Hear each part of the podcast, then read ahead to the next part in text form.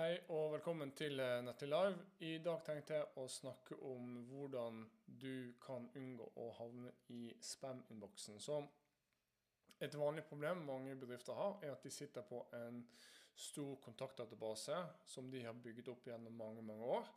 Eh, de har bestemt seg for at de vil satse mer på digital markedsføring. De ønsker å få flere innkomne henvendelser. Og da er jo e-post et godt sted å starte. Eh, men de har ikke segmentert eller vasket den listen, så å si. Og da vil mange bedrifter være redde for å begynne å kommunisere mer eh, på, på, mer jevnlig basis med sin liste. Eh, fordi de er usikre på om mottakerne faktisk ønsker å motta disse e-postene. Eh, de er usikre med tanke på samtykke og GDP, om det er innenfor å sende til disse eller ikke. Eh, og så kan det være at de bare har lite interessante ting å si, lite informasjon, lite innhold å, å formidle på e-post. Og Dette er jo synd, fordi at e-post kan jo være potensielt en gullgruve for en bedrift. Og e-post kan jo brukes som en kanal for å distribuere innhold. Det kan være for å drive påmeldinger til et eh, webinar eller et fysisk arrangement. Eh, det kan hjelpe deg med å drive mersalg til eksisterende kunder. Og mye, mye mer. Så regler rundt eh, kommunikasjon på e-post har blitt mye strengere de siste årene, bl.a. pga. GDPR.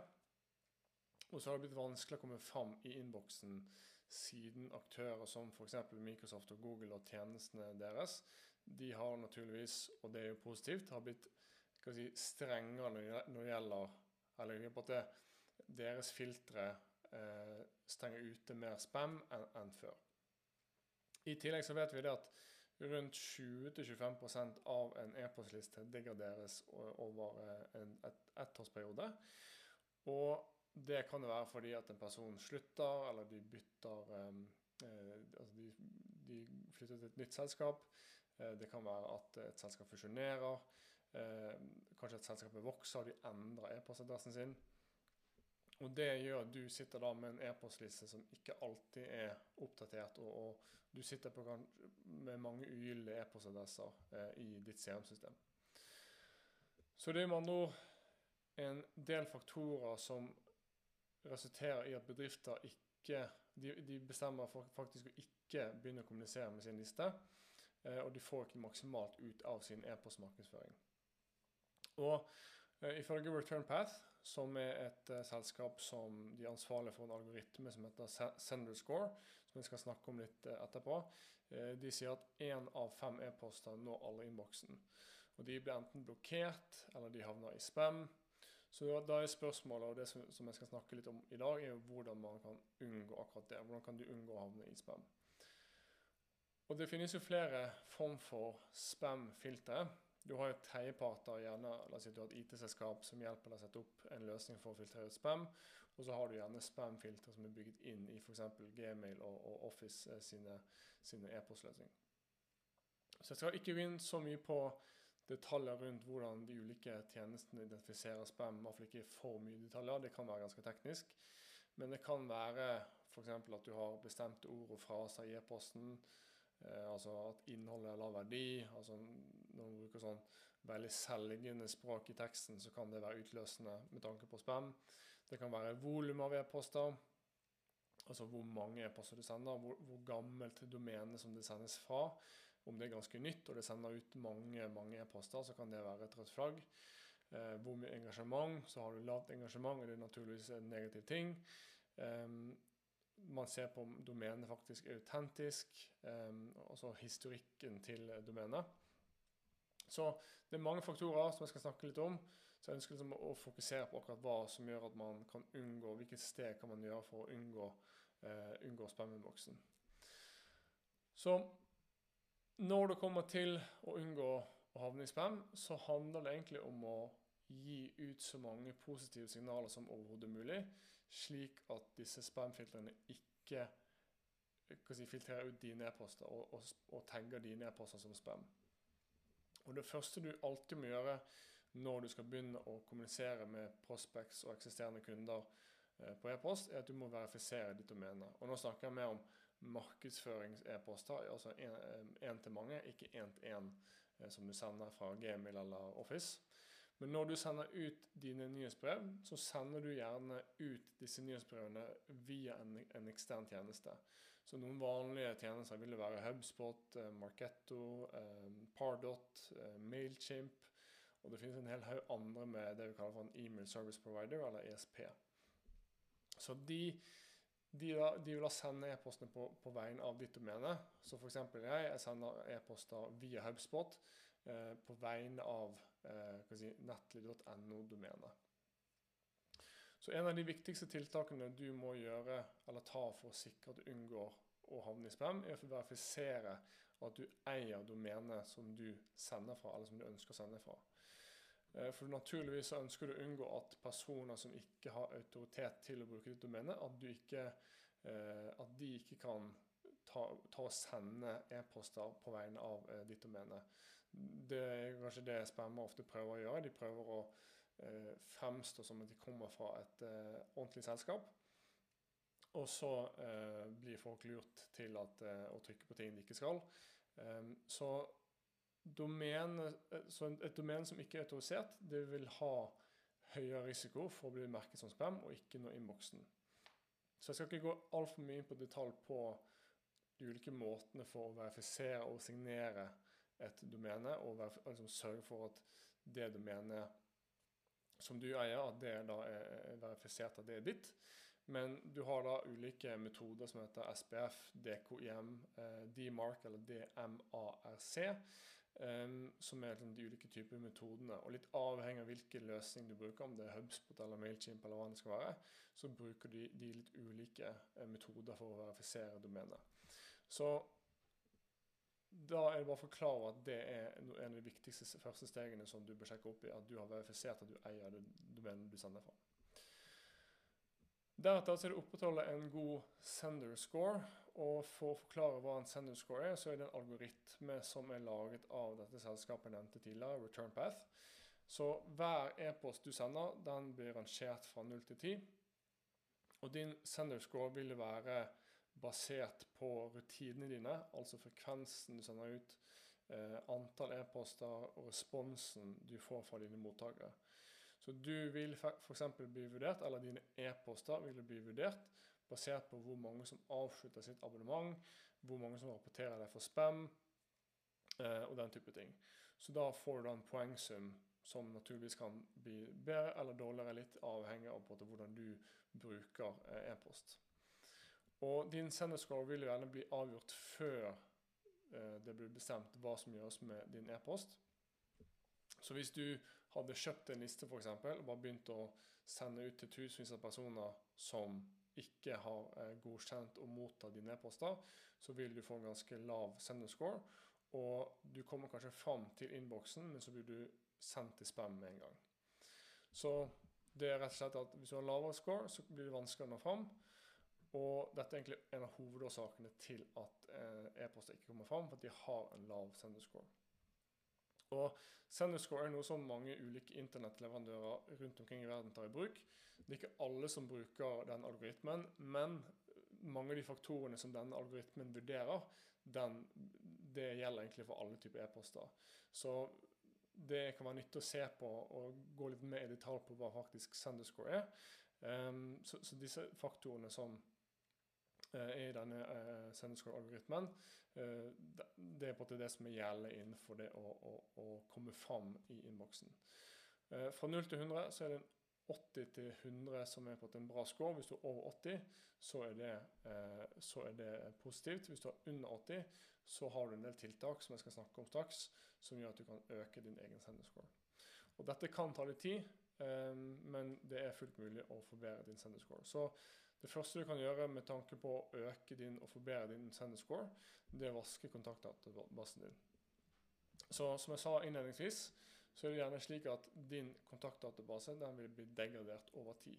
Så en person slutter, man eh, har et selskap som slår seg sammen med et annet, man får et nytt domene, eh, kanskje e-postadressen blir endret. Før hadde man bare fornavn, så nå har man fornavn og etternavn eh, i e-postadressen. Og en av de viktigste tingene du kan gjøre, er å unngå at du sender dine e-poster til ugyldige e-poster. For da får du dårlig engasjement. Så hvis du har en stor liste på 10 000 personer, og så er 9900 av de eh, ugyldige, så vil du så klart få veldig lavt engasjement på den utsendelsen. Og her er jo email deliverability et veldig viktig begrep. Så du kan ha en situasjon der e-poster kommer fram, men så lander de i spam-innboksen. Så da vil du ha en lav email deliverability. Hvis du har en høy email deliverability, så betyr det at en høy andel av e-postene du sender, lander i innboksen. Altså si, i hovedinnboksen som, eh, som, folk eh, sjekker når de kommer på jobb. Og den blir da påvirket av hvor høyt eller lavt engasjement du har. Altså blir e-postene dine åpnet, eh, blir de klikket på, har du verifisert og signert at domenet er ditt, at du ikke har kjøpt lister, at det er personer som du sender til forventer uh, å høre fra deg. Og at du gjør det enkelt å avslutte abonnement, slik at de som ikke ønsker å høre fra deg, at de da kan, kan si, segmentere seg selv ut fra din liste, slik at du opprettholder høyt engasjement på dine utsendelser. Så det er bedre at du har 500 høyt engasjerte ab abonnenter enn en stor liste på 2000, der 1500 de er ganske de er enten ugyldige eller ikke så veldig eh, engasjerte i det hele tatt. Så det du ønsker da er å filtrere ut de som er lite engasjerte eller ugyldige. Og Dette kan gjøres ganske enkelt, så du har løsninger som f.eks. Neverbounce og, og lignende. Og Da tar du bare en eksport av din, eh, din liste, kjører det gjennom en Neverbounce eller lignende løsninger, og da får du en oversikt over hvilke e-poster er fortsatt gyldige, hvilke er ugyldige, og hvilke som er eh, som er man er usikker på. Det, kan, det, er ikke alltid at er eh, du får det sånn svart på hvitt at disse er gyldige og disse er ugyldige, men du får et bedre bilde av hvilke e-poster som, som, faktisk eh, kan sendes til. Så har du det å ekskludere lite engasjerte kontakter, det som kalles for greymail. Så graymail er jo et begrep for e-poster som havner i innboksen til dine kontakter, men som ikke blir åpnet. Og hvis dette skjer for lenge, så vil da det bli enklere for deg å se ut som en, som en spammer. Um, og det kan være lurt å ekskludere disse kontaktene som ikke engasjerer seg med dine, dine utsendelser. Du har sikkert meldt deg på et nyhetsbrev, og du har kanskje fått eh, en rabattkode som du ønsket, og så har du fått nyhetsbrev etter nyhetsbrev fra denne nettbutikken f.eks og så åpner du ikke disse eh, e-postene. Så du, bare, du merker de som lest, du arkiverer de, men du engasjerer deg ikke med de. Og da vil dette defineres som greymail. Så greymail, hvordan man definerer det, er litt forskjellig fra, eh, fra, verktøy til verktøy.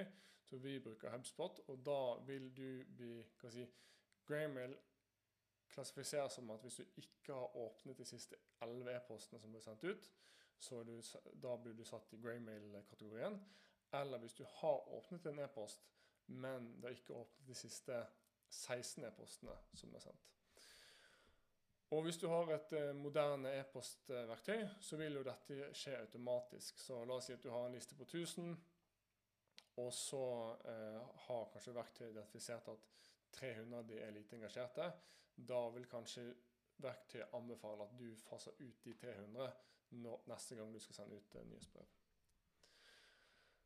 Så neste punkt er det å kun sende til de som forventer å høre fra deg. Så det bør egentlig si, si seg selv. Så ikke kjøp lister. Alltid innhent samtykke når du spør om folk ønsker å abonnere på nyhetsbrev og den type ting. Og utover det så er det en del andre ting du kan gjøre for å sikre at du kun sender til, e til kontakter som vil høre fra deg. Så det første er at Hvis du skal bytte system, la oss si at du går fra et litt sånn utdatert system til et nytt system, Eh, så kan du i første runde sende ut en mail til dine kontakter og si at hei, vi har byttet system. Eh, hvis du ønsker å høre fra oss, trenger du ikke å gjøre noen ting. Hvis du ikke ønsker å høre fra oss, så kan du avslutte ditt abonnement. I, i, så har du disse lenkene i bunn, der du kan da eh, avslutte abonnementet eh, selv. Og dette kan være litt på kanten, og du skal jo helst kun sende til personer som du vet er kunder eller leads som på en måte forventer å høre fra deg. Men det er iallfall en, sånn, en måte å sørge for at eh, du gir folk valget eh, om de ønsker å høre fra deg på e-post eller ikke. Så må du ta i bruk eh, dobbel opt-in. så denne, denne, funksjonen finnes jo i de fleste ESP-er. Så når noen melder seg på ditt nyhetsbrev, eh, f.eks., så får de en oppfølgingsmail med en gang som ber de om å bekrefte abonnementet sitt. Og dette er et fint steg å ha med, fordi at en, du unngår at falske e-poster blir lagt til i din nyhetsbrevliste. En, sørg for at du ikke får lavt engasjement. Eh, eller at e-poster som blir feilstavet, at ikke de heller kommer inn i din nyhetsbrevliste. Så dette vil da sikre at din kontaktdatabase blir, eller holder seg aktiv og engasjert eh, når du sender ut e-post. Og så er det selve innholdet i dine e-poster. Altså du bruker e-post primært for å sende ut faglig og verdifullt innhold. Så dine kontakter vil jo være mer interessert i å åpne dine e-poster hvis du på en måte har lært de opp i at når dette selskapet sender ut et nyhetsbrev, så er det noe verdifullt som er relevant til min rolle. Eh, jeg lærer alltid noe når jeg leser deres eh, nyhetsbrev. Eh, og Derfor er det viktig å oppfylle den forventningen gang på gang, og at du sender ut relevant faglig informasjon. Ikke tenk på nyhetsbrev som en salgskanal. så Når du jobber i en bedrift, så er det ikke en nettbutikk der det er salg, salg, salg. Men det er en måte for deg å si, varme opp og holde deg og ditt selskap top of mind med å sende ut kundehistorier, artikler, invitasjoner til webinar og den type ting. Og det som ofte skjer, er at en person vil være med i et nyhetsbrev i tre, seks, tolv måneder eller mer. Og så når de har behovet, så har du gjort en god jobb med å holde de si, Du har utdannet de over tid. Eh, og, da, eh, og, da, vil på en måte salget bli utløst. Men det er bare fordi at du har eh, vært, vært, altså, eh, Innholdet du sender ut, er verdt å følge med på. Eh, du har på en måte fortjent den oppmerksomheten over tid. Og når behovet er der, så, så er, er på en du eh, synlig og i bakhodet til denne kjøperen. Så veldig mange ganger så klarer ikke bedrifter å motstå den trangen til å selge i sine e-poster. Og da begynner de å bli veldig salgsfokusert. Og det er egentlig bare en oppskrift på at eh, du får en lite engasjert kontaktdatabase. Det siste eh, punktet det er liksom bonuspunkt hvis du er spesielt interessert. Det er å sette opp eh, Google Postmaster Tools. Um, dette er for deg som bruker e-post mye. Så kort forklart så vil du da kunne verifisere at du eier domenet. Dette er et gratis verktøy. Du kan verifisere at det er ditt domene, og så vil Google da overvåke hvordan ditt domene presterer med tanke på e-post. Så du kan få en del nyttige, eh, viktige tall så eh, hvor mange e-poster som blir sendt, avvist, åpningsrater, hvor mange som melder eh, eller rapporterer dine e-poster som spam. Eh, dette er jo nøkkeltall som du kanskje finner allerede i din ESP allerede, men det kan være et greit supplement og bare en fin måte å dobbeltsjekke at det du gjør, at du er på, på i, i riktig retning med tanke på e-post. Så for å avslutte litt, så dette med e-post er at Fordelen er at du eier listen. ikke sant? Eh, sammen med sosiale medier og søkemotorer så kan du, der en endring i en algoritme kan ha stor, stor innvirkning på resultatene dine. Eh, så vil e-post være på at det er noe du eier. Og du får da en direkte linje til eh, kunder, potensielle kunder. Og så lenge du gjør mange av de grunnleggende tingene som er nevnt i dag, altså verifisere domenet ditt, eh, vaske kontaktdatabasen din og sørge for at du kun sender til høyt engasjerte personer som forventer å høre fra deg. Eh, du sender ut faglig innhold. Eh, du fjerner disse lite engasjerte eh, abonnentene. Da vil e-post være en god måte for deg å distribuere innhold, få påmeldinger til webinar, arrangementer og, så, og mye mer. Og hvis du er i en situasjon der du sitter på en stor kontaktdatabase og du er litt bekymret for hva skal jeg gjøre med den kontaktdatabasen, Eh, og du, du, du, du, er ikke sikker på hva, om du skal begynne å maile dem eller ikke, så har jeg, jeg veldig god erfaring med de stegene som er nevnt i, i, i, dag. Så det vil ta litt tid, men det er absolutt en investering verdt å ta. Så Det var alt jeg tenkte å dekke i dag. Håper det var hjelpsomt. Eh, hvis du har noen spørsmål eller tema som jeg, du ønsker at jeg skal dekke på disse livesendingene eller i en podkast, så bare send meg et spørsmål til torstein.nettlyd.no. Det er Torstein med TH. Eh, så håper jeg at jeg ser deg enten eh, live, eller at jeg får noen spørsmål fra deg. Så ses vi neste uke. Hei.